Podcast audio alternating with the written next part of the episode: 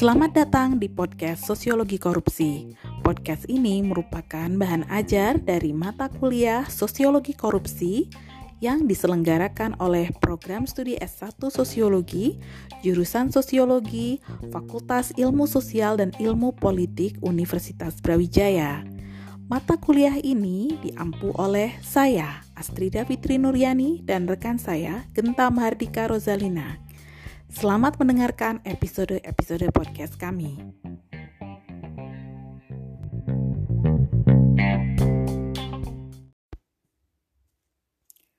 Dalam episode ketiga podcast Sosiologi Korupsi yang merupakan bahan ajar dari mata kuliah Sosiologi Korupsi yang diselenggarakan oleh program studi S1 Sosiologi jurusan Sosiologi Universitas Brawijaya dan diampu oleh saya Astrida Fitri Nuryani dan rekan saya Genta Mahardika Rozalina saya akan menampilkan atau mempresentasikan mengenai perspektif-perspektif dalam menganalisa korupsi.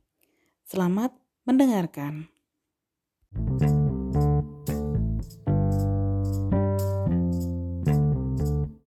Sumber dari episode ketiga podcast Sosiologi Korupsi ini adalah buku yang ditulis oleh Mutia Gani Rohman dan Rohman Ahwan pada tahun 2014 dengan judul Sosiologi Korupsi isu, konsep, dan perdebatan dan diterbitkan oleh UI Press Jakarta.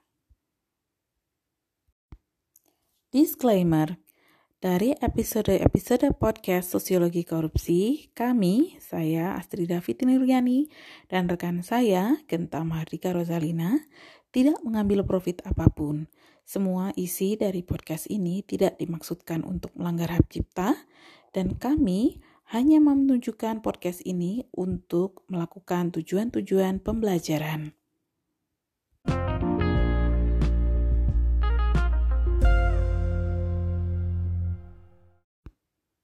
Nah, dalam episode ketiga dari podcast Sosiologi Korupsi ini, saya akan membahas mengenai bagaimana kemudian terdapat berbagai perbedaan perspektif dalam mengkaji sosiologi korupsi sesuai dengan apa yang diungkapkan oleh Mutia Gadi Rohman dan Rohman Ahwan dalam buku mereka mengenai sosiologi korupsi. Selamat menyimak.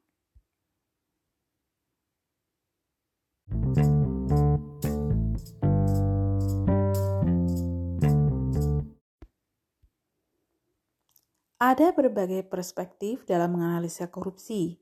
Yang pertama adalah perspektif kultural, di mana di sini secara definitif dikatakan bahwa pendekatan kultural berpegang pada pandangan bahwa korupsi atau tidaknya suatu tindakan tergantung dari masyarakat di mana perbuatan tersebut terjadi. Kemudian aktor-aktor representasi sosialnya adalah terkait dengan kelompok manakah yang terlibat, bagaimana mereka mengartikan korupsi, di arena sosial mana korupsi dibahas, terhadap kelompok mana label korupsi diberikan, dan lain-lain. Dengan demikian, perspektif kultural memiliki lingkup yang lebih luas, yaitu secara moral menurut para aktor yang terlibat di dalamnya. Sedangkan isu pokoknya adalah kapan dikatakan suatu moral dilanggar dan bagaimana anggota masyarakat bereaksi atas pelanggaran moral tersebut. Konsep utama dalam pendekatan kultural sosiologi korupsi adalah misalnya isu tentang pemberian hadiah, hadiah manakah yang kemudian jika diberikan dianggap sebagai suatu proses korupsi atau tidak. Karena makna tentang hadiah berbeda dari satu masyarakat ke masyarakat lainnya.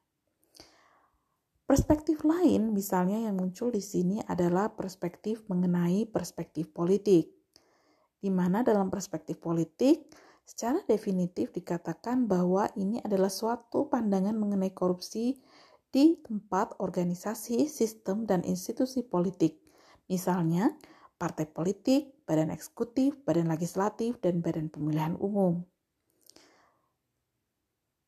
Beberapa pendekatan dari perspektif politik ini misalnya adalah public office center, yaitu bagaimana korupsi terkait dengan pelanggaran pejabat publik, market center atau bagaimana korupsi adalah maksimalisasi perolehan pejabat publik, atau dengan kata lain berpusat pada pasar, public interest centered yaitu bagaimana korupsi ini melihat sudut pandang kelompok masyarakat yang dirugikan, public opinion centered yaitu bagaimana korupsi dipandang berdasarkan opini publik mengenai apa yang dianggap korupsi dan tidak. Perspektif politik mengenai korupsi juga terkait dengan pendekatan ekonomi politik, yaitu mengenai bagaimana korupsi sebenarnya adalah persoalan ekonomi politik dalam konteks hubungan yang terjadi jalin menjalin antara kepentingan politik dan ekonomi serta apa implikasinya. Aktor dalam perspektif politik mengenai korupsi adalah bagaimana aktornya adalah pejabat publik, politisi, dan aktor di luar negara yang memiliki kekuatan modal dan berupaya mempengaruhi kebijakan publik. Hal ini juga terkait lagi dengan legal dan ilegalitas, yaitu kenapa? Sebab hukum sering menjadi alat politik, yaitu dengan dua pola mengenai bagaimana para aktor menggunakan hukum untuk menjamin kepentingannya sendiri, misalnya menyingkirkan lawan politik dan mengendalikan gerakan-gerakan pro-demokrasi, Kedua, bagaimana kemudian hukum hanya benar-benar dapat diakses oleh kalangan atas saja. Sehingga ada yang kemudian dikenal dengan nama korupsi politik, yaitu penyalahgunaan lembaga politik untuk kepentingan para pelaku korupsi.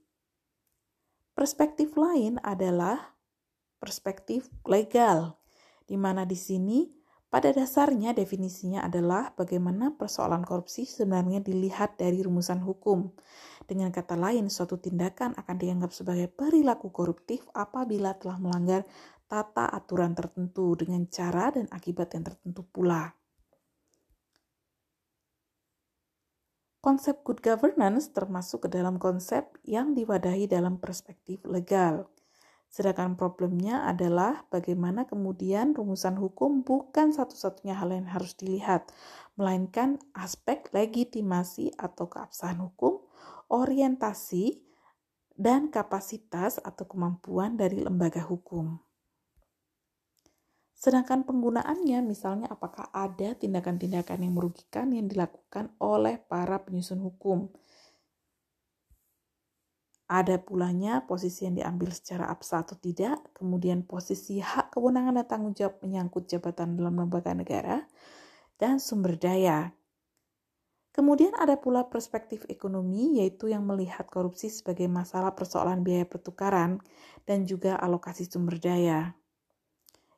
Aktor dalam pendekatan ekonomi mengenai korupsi adalah pejabat publik, Sedangkan dalam ekonomi institusional yang dilihat adalah aktor atau kumpulan aktor atau jaringan aktor yang menanggapi sistem aturan dalam organisasi dan institusi. Isu pokoknya adalah bagaimana para ekonom kadang-kadang melihat korupsi dapat justru meningkatkan efisiensi. Sedangkan konsepnya adalah kalkulasi untung rugi mengenai prinsip dasar ilmu ekonomi. Namun masalahnya adalah bagaimana kemudian melihat dampak lembaga publik terhadap struktur dan dinamika pasar, khususnya dengan terjadinya korupsi. Nah, yang tak kalah penting adalah perspektif sosiologi, di mana ini pertama kali dimunculkan oleh Wilhelm Albert dalam tahun pada tahun 1954 dalam sebuah jurnal di mana di sini kemudian juga muncul pandangan dari Syed Hussein Alatas sebagai tokoh sosiologi Asia mengenai penyalahgunaan kepercayaan untuk kepentingan pribadi sebagai suatu definisi korupsi. Dengan demikian, dari berbagai perbedaan perspektif tadi terdapat implikasi teoretik atau makna penting teoritis dari setiap perspektifnya. Karena di sini terdapat berbagai perbedaan cara pandang dari perspektif tersebut dan juga perbedaan aktornya maupun lingkupnya. Misalnya, perspektif kultural akan berbeda dari politik dan perspektif hukum, berbeda lagi dengan perspektif ekonomi, dan berbeda lagi dengan perspektif sosiologis. Demikian penjelasan saya untuk materi mengenai perspektif dalam menganalisa korupsi. Sampai jumpa lagi dalam episode berikutnya dari podcast Sosiologi Korupsi yang diselenggarakan oleh program studi S1 Sosiologi, jurusan Sosiologi, Fakultas Ilmu Sosial dan Ilmu Politik Universitas Brawijaya. Ini adalah bahan ajar mata kuliah Sosiologi Korupsi yang diampu oleh saya, Astrida Fitri Nuryani, dan rekan saya, Genta Mardika Rosalina. Terima kasih sudah menyimak podcast kami.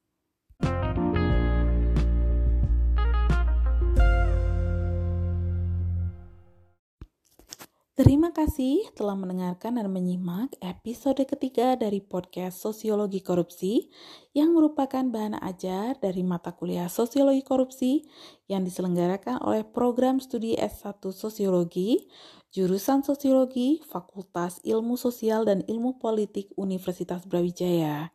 Bersama saya, Astrida Fitri Nuryani, dan rekan saya Genta Mardika Rozalina yang turut mengampu mata kuliah tersebut. Sampai jumpa lagi dalam episode-episode lain dari podcast kami dan terima kasih.